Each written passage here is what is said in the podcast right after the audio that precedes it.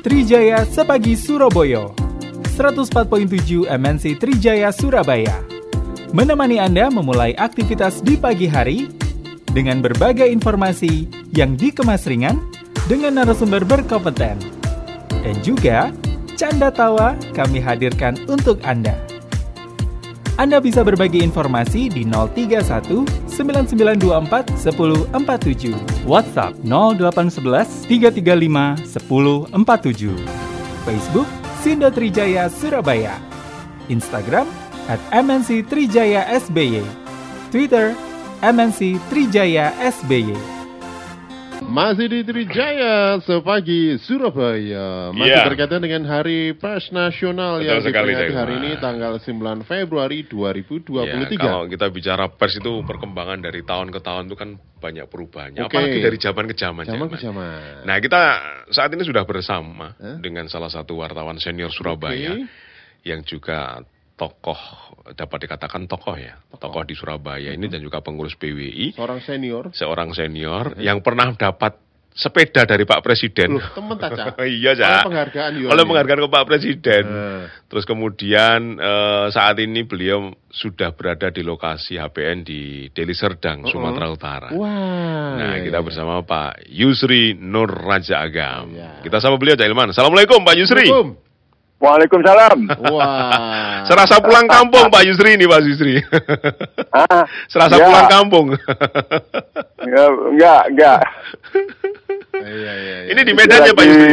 Di Medan, Medan. Kalau saya kan di Di mana, Padang. Pak? Padang. Oh, Ah, Padang. Padang, Oh, iya. Padang Ini- Medan kan ini dekat. Medan ini. Oh, tapi kan Ini dekat, Pak. Medan. Tapi kan dekat, Pak Yusri, Oh. sama-sama hanya Sumatera. 700 kilo. Jauh loh Cak hanya 700 kilo Hanya Padang 700 Medan itu. Oh, iya, Pak. Hampir sama. Daripada Surabaya, Padang kan lebih dekat Medan Padang, Pak. Tapi ngomong-ngomong Pak Yusri ini kenapa disebut Raja Agam ya? Wah, Aku- Nur Raja Agam. Heeh. Ah, Itu ya, gelar ya, itu, Yusri? itu gelar, itu Oh, gelar, wah. gelar keluarga ya. Oh, iya, iya, biasa iya. ya. Jadi banyak Eh, penghargaan yang diterima Pak Yusri ini ya. Mm-mm. Selain Iya, gelar iya. dan Hari Pers juga gelar yang lainnya. Iya. Ya. Pak Yusri ini sekarang usia berapa, Pak Yusri? Usia baru 72 lebih 4 Oh. bulan. Weh, masih muda ternyata, baru empat bulan. hampir hampir hampir 73 tahunnya 73 sudah Nah, gitu. Pak. Tapi Jadi kalau- usianya empat bulan lebih 73 tahun ya. Oh iya. Kalau tahun kemarin dapat penghargaan, tahun ini ada penghargaan juga ini. Pak Yusri dulu Ya. dapat dapat dari presiden ya Pak Yusri, dapat sepeda Pak Nah, Yusri. ya? yang tahun kemarin itu namanya kartu pers nomor satu. Oh, gitu Pak iya. Yusri, luar Ya. biasa. Oh ya, press card number one Wis, Oh, luar iya. biasa. dari anu komponen pers. Hmm, gitu ya ya. Nah, Pak Yusri kalau boleh tahu, dulu jadi wartawan us- usia berapa Pak Yusri? Saya sambil kuliah di Bandung Mm-mm. tahun 70 sudah menjadi wartawan harian kami. Wih, Oh, iya, tahun iya. 70 ya Pak Yusri ya. Wih, wartawan gila. kampus ya. Durung lahir ya. Orang lahir awake dhewe. Lima tahun kemudian baru lahir kita. Wah, Ya gitu ya. Iya, iya, Pak. iya, iya. Pak Yusri ter- tentu sudah banyak makan asam garang di dunia jurnalistik dari mulai Hah? tahun 70 sampai dengan hari ini. Nah, bisa cerita Pak Yusri dari tahun 70 itu seperti apa gambarannya? Kemudian sekarang seperti apa? Kemudian ketika terjadi Oh, reformasi gitu ya. dan lain sebagainya. Oh, Nah, oh. gimana Hmm, potret? beda, beda. Ya, gimana? Gimana Pak Yusri? Ya, Potretnya kan- seperti apa? Ya, kalau di tahun 70 itu kan eranya erda oh, era Orde awal-awal Orde, baru. ya Oh, betul. iya. heeh. Awal-awal. Mm, mm, mm. Nah, dan juga masih pengaruh dari undang-undang masih Orde lama, Mm, mm, Hmm. peralihan. mm, mm. Nah, kalau kita lihat berdasarkan undang-undang pers itu kan dulu tuh tujuh 74 Iya. baru ada Mm, itu. Ah. Nah, itu atau enam, waktu sebelumnya kan 69, itu Iya. kemudian 74. Mm, mm. Hmm. Nah, setelah itu baru 82. Nah, Mm-mm. Sekarang ini 40 tahun 99. Mm-mm. Kan sudah lima kali undang-undang pers. Iya. Ah. Empat kali undang-undang pers. Ya, Mm. gitu. Hmm, iya, iya. Kalau Jadi perubahan-perubahan itu terkait juga dengan eh, struktur-struktur pemerintahan dan era. Iya. Mm, mm, Hmm. mm. Kalau di zaman Pak Harto kita mengenal pers yang bebas dan bertanggung jawab. Iya. mm, mm. Nah, kemudian di era reformasi kita mengusung kebebasan pers yang katanya sudah kebablasan. Iya. mm, mm. Ah. Ya, ah. Mm, mm, Hmm, Nah ini tentu menarik Pak Yusri ketika kita bicara tentang kebebasan pers, apalagi temanya tahun ini Ah. adalah pers bebas, eh, demokrasi bermartabat Pak Yusri. Nah kalau Pak Yusri sendiri melihat perkembangan pers sampai dengan hari ini seperti apa sebenarnya Pak Yusri? Nah, kalau ya sekarang ini dengan ada era baru Hmm. ini dengan jenis medianya juga sudah berbeda-beda. Iya Pak Iya. Yusri. Hmm. Nah, kita kan dulu hanya mengenal media cetak, media elektronika. Iya, mm. Nah, media elektronika itu hanya radio dan televisi. Hmm, hmm, hmm. Televisi pun RRI dan TVRI. Iya iya iya iya. Iya, Pak nah, Yusri. kemudian Mm-mm. berkembang berkembang, kita tahu akhirnya radio semakin berkembang. Mm-mm. Yang tadinya menyiarkan berita dari RRI, nah, akhirnya sudah bisa menyiarkan berita sendiri. Hmm, Nah, itu demikian juga televisi. Dulu hanya TVRI. hmm. Ya. Ada beberapa televisi swasta Mm-mm. itu harus merelay dari Mm. TVRI yang Mm. berkaitan dengan berita-berita. Hmm, hmm. Ah. Nah, sekarang semua itu sudah berubah semua. Berubah semua ya Pak Yusri. Baik itu radio, televisi, bebas Ah, ah. membuat berita, membuat apa saja, membuat apa saja. Ah, ini Mm-mm. ditambah lagi dengan multimedia yang lain. Hmm, Kita mengenal media online, hmm, hmm. kita media ya, Banyak ya Pak Yusri ya. iya. Hmm. Termasuk Pak ya Yusri ini media kan, online. Ah, Pak Yusri Hmm. kan dari cetak ke online juga ya sekarang ya. Ya, cetak dan online ya. Saya ngikuti dari cetak dan online. Hmm, Ah, hmm, iya, hmm, iya, iya. Ya. Ah, ah, termasuk juga di sosial media ya Pak Yusri. Apa? Pak Yusri juga main di sosial media. Ya di sosmednya itu ya umum secara pribadi. Oh iya iya iya. Ya, Ah, ah, ya kalau secara media. ah, ah, Ya, artinya sosmed itu kan umumnya awalnya itu dari Facebook, kemudian berkembang ke yang lain-lain seperti sekarang ini. Hmm, ya, Pak Yusri, sekarang ini kan kalau kita melihat bahwa perkembangan media yang luar biasa, kemudian kita masuk dalam tataran tahun yang dinamakan disruption media. Ya. Ya Pak Yusri ya. Disruption media Ah. yang kadang menjadikan media ini menjadi absurd dan tidak eh, apa ya banyak hoax dan lain sebagainya dan kemudian dapat Ya. dikatakan ketidakpastian di dunia media. Kalau Pak Yusri Ya. sendiri mencermati seperti apa sebenarnya kondisi yang ada saat ini Pak Yusri? Kondisi yang saat ini sebenarnya memang apa ya? Kalau kita melihat seharusnya memang ada kontrol, Mm-mm. ya. Ada kontrol dari masyarakat dan juga dari pemerintah terhadap media ini. Mm-mm. Karena sekarang orang sudah tidak bisa secara umum masyarakat kita ini sebagai konsumen pers Mm-mm. sudah tercampur aduk dengan konsumen media sosial. Iya. Nah, mereka tidak bisa membedakan Mm-mm. antara media sosial dengan media massa. Ya betul. Nah, Jadi media sosial dengan media massa pun sekarang ini sudah saling berkaitan yang Mm. Mengakibatkan adanya berita-berita yang tidak sesuai dengan oh, Kaidah jurnalistik kaidah-kaidah ya. jurnalistik. Hmm, Ya. hmm, hmm. Nah, termasuk juga berkaitan dengan kode etik jurnalistik. Iya. Nah, mm-mm. sedangkan yang namanya medsos kode etiknya itu kan hanya oh, oh, rasa dan kebiasaan saja, Mm-mm, tidak ada aturan-aturan yang tertulis. Mm-mm, mm-mm. Iya ya. Sedangkan kita Mm-mm, di mm-mm. pers ini kan berdasar kode etik jurnalistik itu sesuai dengan ketentuan bahwa suatu organisasi profesi itu mempunyai kode etik. Mm-mm. Nah kita punya kode etik jurnalistik. Nah Mm-mm. itu yang harus dilakukan. Tapi kalau Mm-mm. media sosial kode etiknya itu tidak jelas, tidak ada Mm-mm. gitu, tidak tertulis. Mm-mm. Yang Mm. yang ada undang-undang ITE ya Pak ya. Nah itu ikatan dari media sosial itu undang-undang ITE itu. Mm-mm. Dan selalu yang dipersoalkan itu paling banyak itu pasal 27-28. Mm. Oh, oh. Hafal Pak Yusri sampean. Tentang apa itu Pak? Tentang apa? Tentang apa Pak ya kalau boleh tahu Pak?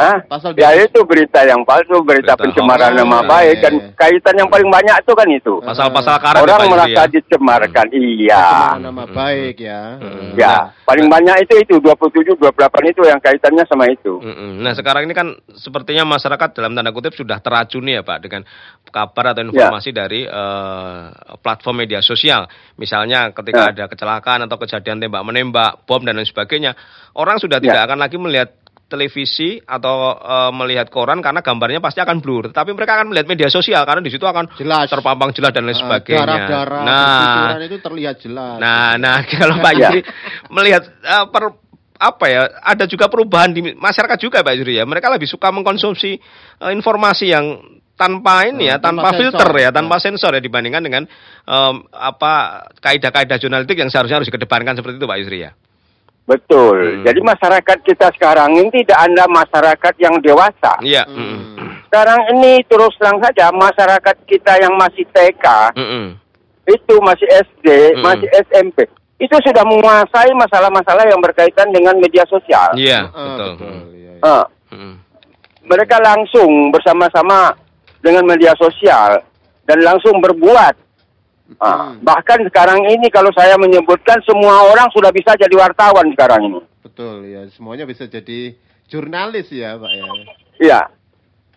Iya dia sudah bisa menjadi kontributor dan dia sebagai bahkan juga menyalurkan menyiarkan sendiri. Nah, ini sekarang ini media sosial itu lebih luas dari yang namanya media oh, masa yang kita kuasai. Iya, iya, iya, iya, iya.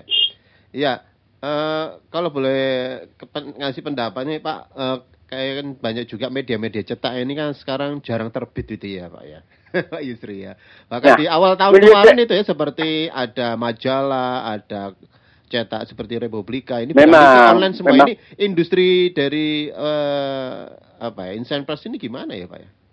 Masyarakat kita sekarang membaca koran itu melalui HP, melalui oh, pegangannya sendiri. Jadi Iya. koran sudah bisa dibaca di tangannya sendiri sekarang ini. Oh iya. Orang bisa memilih tema dan judul sesuai dengan keinginannya. Heeh.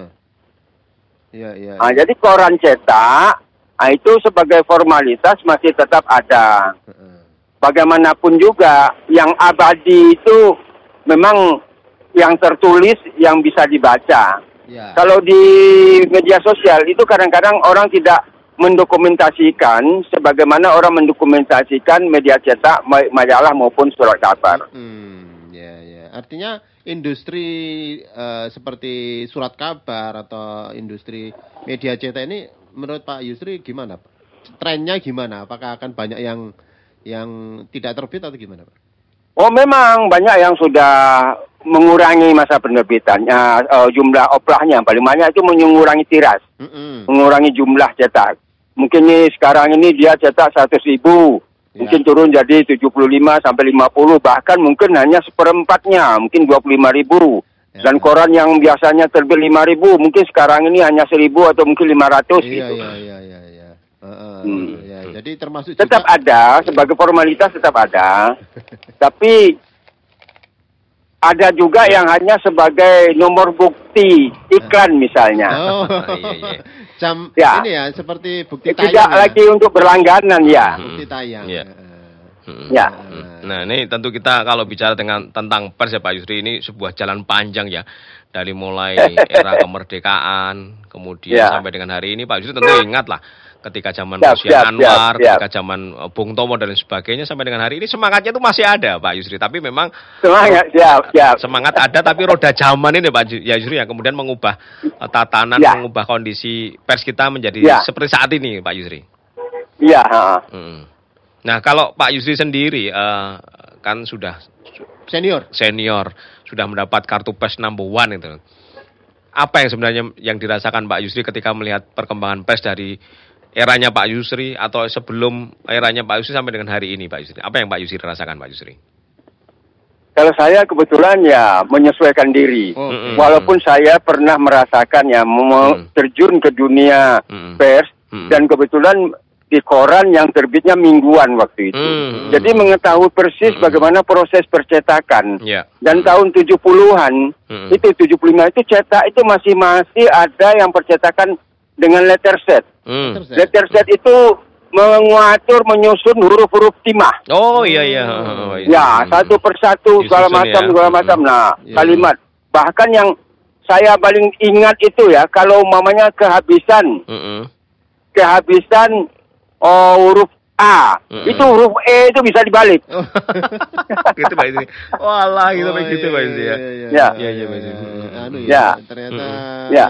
Eranya luar punya biasa. cerita menarik gitu ya. Ya. Heeh. Iya. Ya. Mm-mm. Tapi boleh tahu apa yang membuat Pak Yusri sampai sekarang ini eh, tetap Betah dan bertahan di dunia ya, pers, Pak. Di dunia pers, Pak. Apa yang memotivasi Pak Yusri? Nah, yang memotivasi kebetulan ya itu saya ini senang mengabadikan mem, apa men, Dokumentasi. istilahnya itu mendokumentasikan segala karya saya itu. Mm-mm. Dan karya-karya tulis itu selalu berkembang Mm-mm. dan saya menjadikan mempersiapkan menjadi buku. Mm. Oh, iya, iya. Nah, jadi tulisan-tulisan dari berita, dari artikel-artikel ada itu secara bertahap Mm-mm. saya alihkan menjadi buku. Mm-mm. Nah, dari buku inilah saya hanya meninggalkan kenang-kenangan untuk generasi yang akan datang. Mungkin itu. Oh iya iya iya. Hmm. Nah ini yang menarik adalah ketika eh, mungkin di era Orde Baru Pak Yusri merasakan bagaimana kemudian kebebasan pers itu seperti terampas ketika banyak yang dibredel dan lain sebagainya, tapi sekarang luar biasa bebasnya.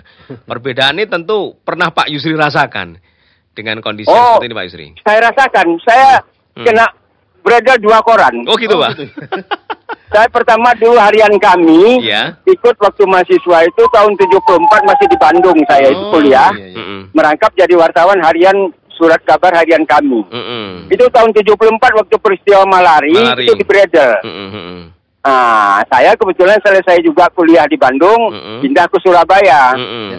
Di Surabaya saya masuk koran yang namanya waktu itu ada koran Radar Kota dan lain-lain dan Mm. yang paling bagus itu saya masuk koran ekonomi harian pertama namanya Jurnal Equin. Mm-mm. Nah, Jurnal Equin ini tahun 83 Mm-mm. tanggal 13 Maret tahun 83 Mm-mm. itu dibredel Mm-mm. oleh Pak Domo. Mm-mm. Nah, waktu itu Pak Mkop Kamtipnya Pak Sudomo dan Menteri Penerangannya Pak Ali Murtopo. Mm-mm. Nah, Alasannya pada apa, waktu- Mm-mm. Nah, ternyata alasannya itu adalah tulisan dari Panglai Kim. Mungkin Pak JB Pak J.E. Pangestu masih ingat. Oh, Mm, Mas. mm. Penulis ekonomi. Mm-mm. Hari Nah, pada hari itu, ya J.E. Pan- Pangestu. Oh, ah, bapaknya dari Mari Pangestu. Pak Mari Pangestu. Mm-mm. Nah, itu menulis artikel di jurnal Equin itu Mm. Pada waktu itu tahun 83 itu harga dolar Mm-mm. itu 925 Mm-mm. per dolar. Mm-mm. Mm-mm. 925 rupiah. Mm-mm. Nah, dia menulis andai kata harga waktu itu ada perubahan kenaikan harga Mm-mm. oh, minyak mentah dunia. Iya. Mm-mm. Mm-mm. Andai kata dolar tidak dinaikkan menjadi seribu rupiah oh, per dolar, Mm-mm. ah, besar kemungkinan APBD kita ini akan berubah total. APBN, APBN. APBN akan berubah total Mhm. dan Indonesia akan kekurangan dana untuk itu. Wah, iya, iya. Maka besoknya tanggal tanggal 12 waktu itu tanggal 11 oh mem- eh, 12 Maret kalau tidak salah saya itu waktu sidang umum MPR sedang berlangsung. Hmm, iya, iya, iya. Iya, itu akhirnya ada telepon kepada jurnal Equin. Mm-mm. Nah, saya ini juga ngecek. Saya kebetulan perwakilan dari Jawa Timur. Mm-mm. Nah, kenapa korannya kok tidak datang? Mm-mm. Saya cek ke bagian pengiriman di Jakarta. Mm-mm. Pak, koran kita di Bredel, Pak. Kenapa? Beritanya Pak Pak Pak Panglai Kim kemarin itu loh. Kita di Bredel. Akhirnya Iya. ternyata di Jakarta itu kawan-kawan Pak Norman Diah pimpin redaksinya Mm-mm. itu tidak menyiarkan bahwa itu di Bredel, Mm-mm. tapi wartawan di Surabaya namanya Mas Bambang Mm-mm. mengutip keterangan saya ini. Iya. bahwa koran jurnal Equin di Bredel. Bredel. Nah, Oh. nah, itu Rame. oleh Mas Bambang dikirim ke Jakarta. Heeh. Dikeluarlah di antara. Heeh. Sumbernya itu dari Surabaya. Iya, iya, iya. Wah, Pak Yusri jadi saksi sejarah luar biasa. Eh, ternyata Pak tapi Yusri tapi terus terang saja Mm-mm. saya waktu itu bangga Mm-mm. karena Pak Normandia Mm-mm. pemimpin pe- pemiliknya jurnal Equin Mm-mm. itu terima kasih kepada saya Oh, karena gitu. di Jakarta tidak ada yang Yang memberikan berani keterangan. Wah, ngeri ngeri Wah, ngeri ya. Ngeri ngeri sedap ya Pak Yusri ya rasanya Pak Yusri. Kan Pak Yusri memorinya cukup tajam ya, mengingat masa lalu Iya, gitu iya. ya. Iya, iya, insya Allah, insya Allah, insya Allah. Ya, ya. ya Pak Yusri, mungkin satu hal lagi harapan Pak Yusri ke depan Ya, seperti apa ya. terkait dengan dunia pers kita Pak Yusri di momentum Hari Pers yang Ya. jatuh pada hari ini. Saya tertarik ini di di Jawa di Sumatera Utara. Mhm. Ini PWI-nya mendapat sampai mendapat eh, eh, muri Mhm. eh, rekor muri berhasil mengang- menaikkan 600 wartawan yang ada di Sumatera Utara Mm-mm. Hmm? dijaminkan di BPJS kesehat, eh, Oh. ketenaga kerjaan. Oh, Hmm. Ini memecahkan rekor muri dan Hmm. ah, ini saya juga menganjurkan untuk seluruh Indonesia juga harus ada seperti ini. Iya. Nah, ah, ya. Nah, nanti kan Pak Yusri Ini salah ketemu satu. Pak Wali Kota, Pak Eri, Ya. di tempat yang Ya. sama ya. Ya betul. Mm-mm, ya, I- ya, ya. i- Ini sebentar lagi nih, ini sebentar lagi nih saya saya siap-siap sudah mau masuk Ya, ruangan ini. oke Pak Oh, Yusri. ya. Oke Ya. Pak Yusri, kita ucapkan Ya. terima kasih. Selamat Hari Ya. Pers Nasional. Sehat selalu ya Pak Yusri ya. Dan memberikan Sama-sama. pencerahan buat kita. Matur nuwun. Ya, terima kasih. Selamat pagi. Ya. Assalamualaikum. Waalaikumsalam warahmatullahi wabarakatuh. Iya, kita sudah bersama dengan seorang wartawan senior, Senior, dari ya. Surabaya, Pak Ya. Yusri Nur Raja Agam yang juga mendapatkan eh press card number one atau Press kartu pers one. nomor satu Oleh sebagai presiden salah- ya? Iya, oleh Jokowi sebagai ya. eh, wartawan senior dari Ah. Surabaya. Iya, iya, iya, iya. Wes. Kita break dulu, Kita Cawan. sambung informasi lainnya. Oke, kita masih di Trijaya sepagi Surabaya.